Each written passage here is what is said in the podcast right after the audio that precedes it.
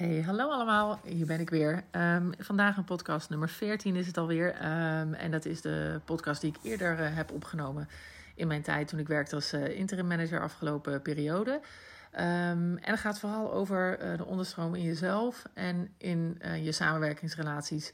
En wat je er wel of niet mee, mee kan doen. Nou, volgens mij is die, is die weer interessant, maar ik hoor het graag van jou terug. Hey, veel plezier met luisteren.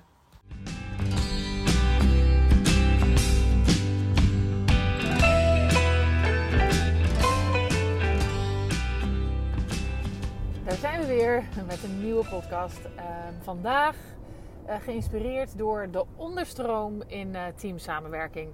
Um, en, of eigenlijk nog niet eens zozeer teamsamenwerking, um, maar vooral in het contact met mensen. En als ondernemer is dat natuurlijk uh, zeker, nou ja, eigenlijk op allerlei vlakken. Hè, dat, met gasten uh, in mijn uh, branche, maar ook met, uh, met, nou, met, klanten in welke andere branche dan ook.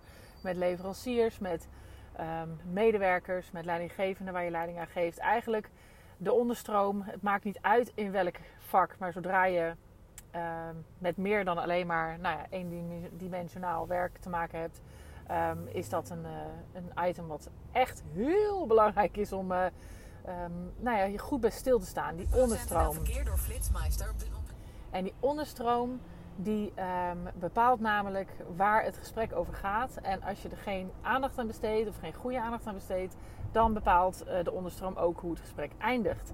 Um, en dat is niet altijd zoals je wil dat die eindigt. Ik heb dit voor het eerst geleerd toen ik um, met uh, mensen in de psychiatrie werkte. ik merkte vaak en veel dat op het moment dat mijn onderstroom, of dat ik, uh, nou ja, dat die, mijn onderstroom, en dan bedoel ik echt mijn eigen spanningen, angsten, zorgen, uh, of juist dubbele agenda, of daar waar ik uit wilde komen, um, hè, waar ik naartoe wil. Uh, als dat onbesproken blijft, um, of onderbelicht blijft, of ik ben er zelf niet goed genoeg van op de hoogte van wat er eigenlijk in mij speelt, dat dat heel veel invloed heeft op het gesprek en op de uitkomst, maar zeker ook die van de ander uh, en van de onderlinge relatie. Dus op het moment dat je uh, met elkaar aan het praten bent en een van de twee heeft een eigen onderstroom, of er ontstaat in het gesprek, in de relatie, zeg maar, een onderstroom, dan um, moet die zo snel mogelijk op tafel komen.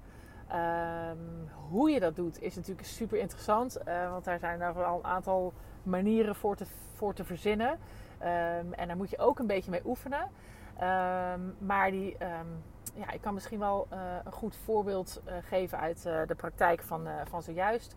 Um, ik geef leiding op dit moment als interimklus aan 16 teamleiders. Die teamleiders zijn dan weer leidinggevenden van een woning en werken zelf ook mee.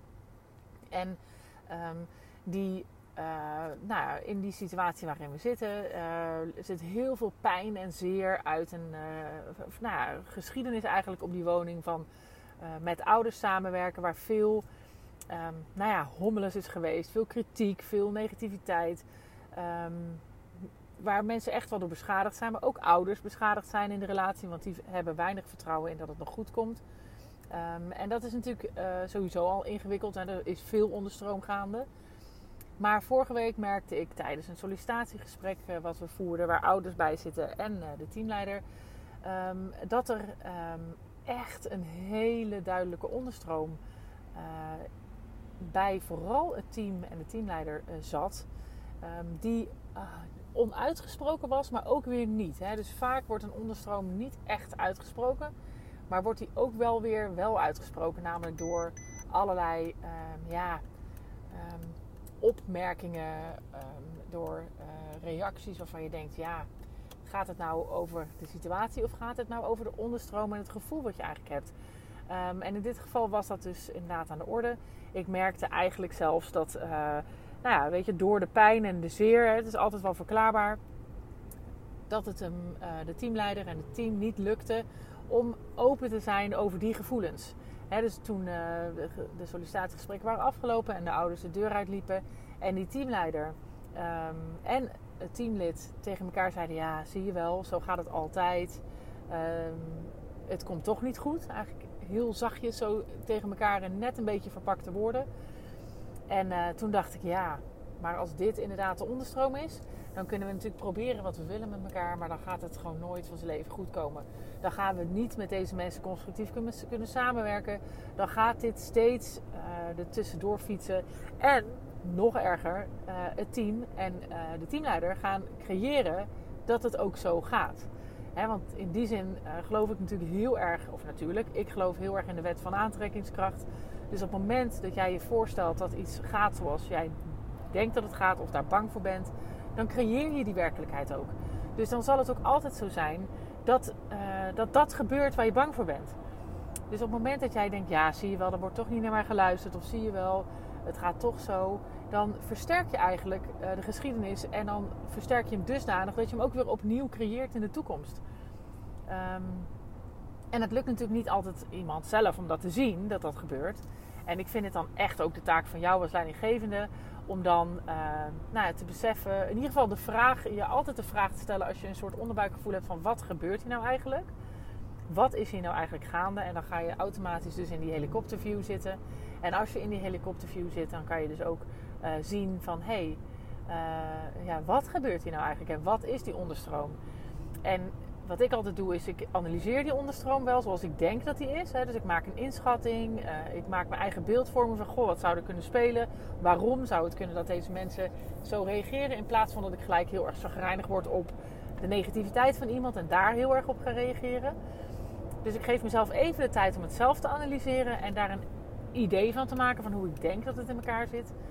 Um, maar uh, wat nog belangrijker is, als ik mijn eigen analyse heb gemaakt, uh, dan kan ik uh, in ieder geval eruit blijven dat ik er een oordeel over heb. Want dan ben ik gelijk ook los van oordelen. Het is gewoon een opgemerkt iets. En uh, wat dan echt de crux is, is om het bespreekbaar te maken.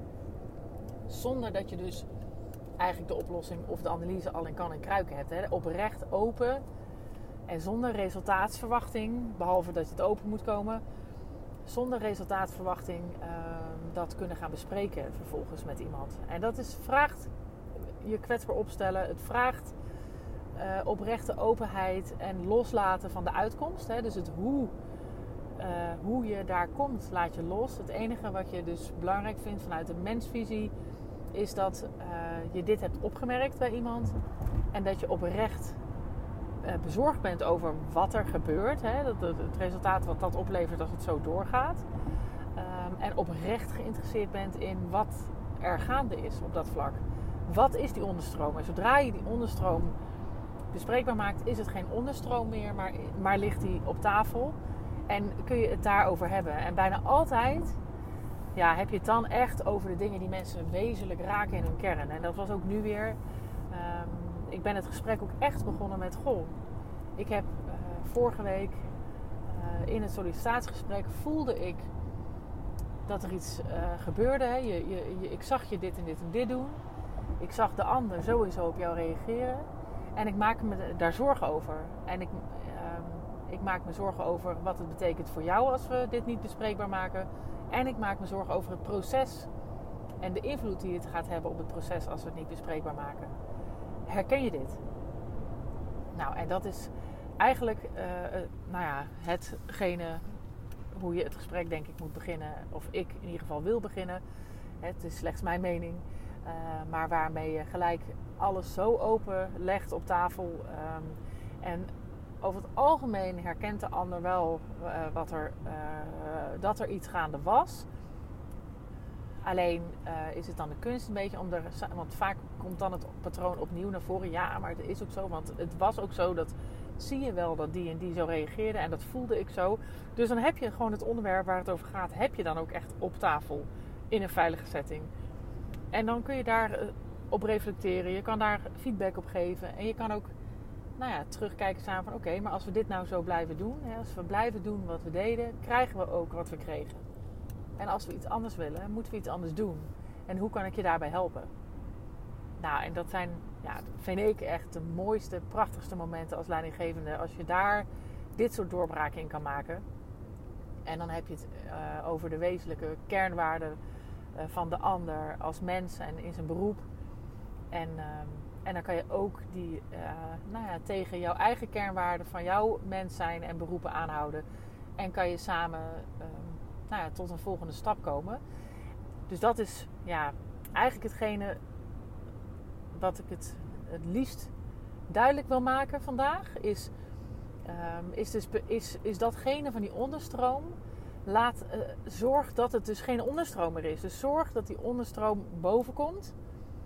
En die krijg je boven door hem in ieder geval te weten, hè, te voelen aan jezelf van hé, hey, daar speelde meer dan wat we op tafel hadden. Voor jezelf even na te denken, wat zou dat kunnen zijn en wat voelde ik nou eigenlijk allemaal? En maak ik me daar wel of geen zorgen over? Is dat een probleem? Um, en vervolgens zorgen dat dat uh, je zorg en, en hetgeen je is opgevallen op tafel komt. En geloof me, daar komen de mooiste gesprekken uit voort. En um, het vraagt alleen wel echt dat je loslaat. Je moet geen dubbele agenda hebben. He, dus je moet niet vooraf al bedenken: oh, ik vind dit en ik wil daar wat van zeggen en ik wil het even opengooien, want dan kan ik daarna erop inhakken. En dan kan ik daarna namelijk zeggen: van uh, ja, precies, en ik wil dat je dat nooit meer doet en uh, dat moet voortaan anders. En, want dan wordt het onveilig. He, dus je moet, je moet echt het resultaat um, loslaten. Het enige resultaat wat je wil is dat het op tafel komt. Dat is je resultaat.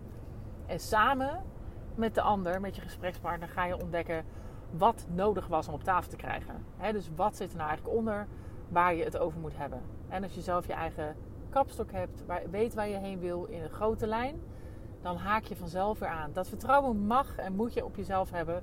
Dat je daar dan ergens. Je, je komt ergens waar je wezen moet. En hetgeen wat je bespreekbaar maakt, is hetgeen wat op tafel had moeten komen.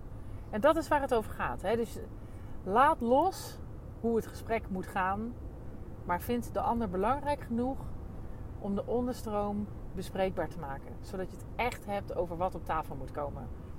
Nou, ik ben super benieuwd natuurlijk of, uh, of je het herkent en of dat dan ook lukt. En of we daar misschien een keer dieper op in moeten gaan uh, in een podcast. Dat kan natuurlijk ook. Dus uh, nou ja, deel, deel op socials, deel, deel met mij wat je, of je het herkent. En, en ook met een ander. Wie, wie weet heeft een ander iets aan deze podcast. En ook als je daar nog aanvullende vragen over hebt. Want dan neem ik die gewoon de volgende keer weer even mee. Nou, super benieuwd nogmaals. En uh, succes met je onderstroomgesprekken.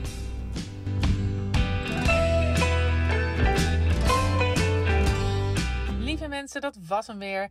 Ik hoop dat je hebt genoten van deze podcast. En op naar de volgende uiteraard. Het zou mij ontzettend helpen als je de podcast zou willen delen op social media. Zoek me op op Instagram en Facebook onder Juke Stellinga. Tot de volgende keer.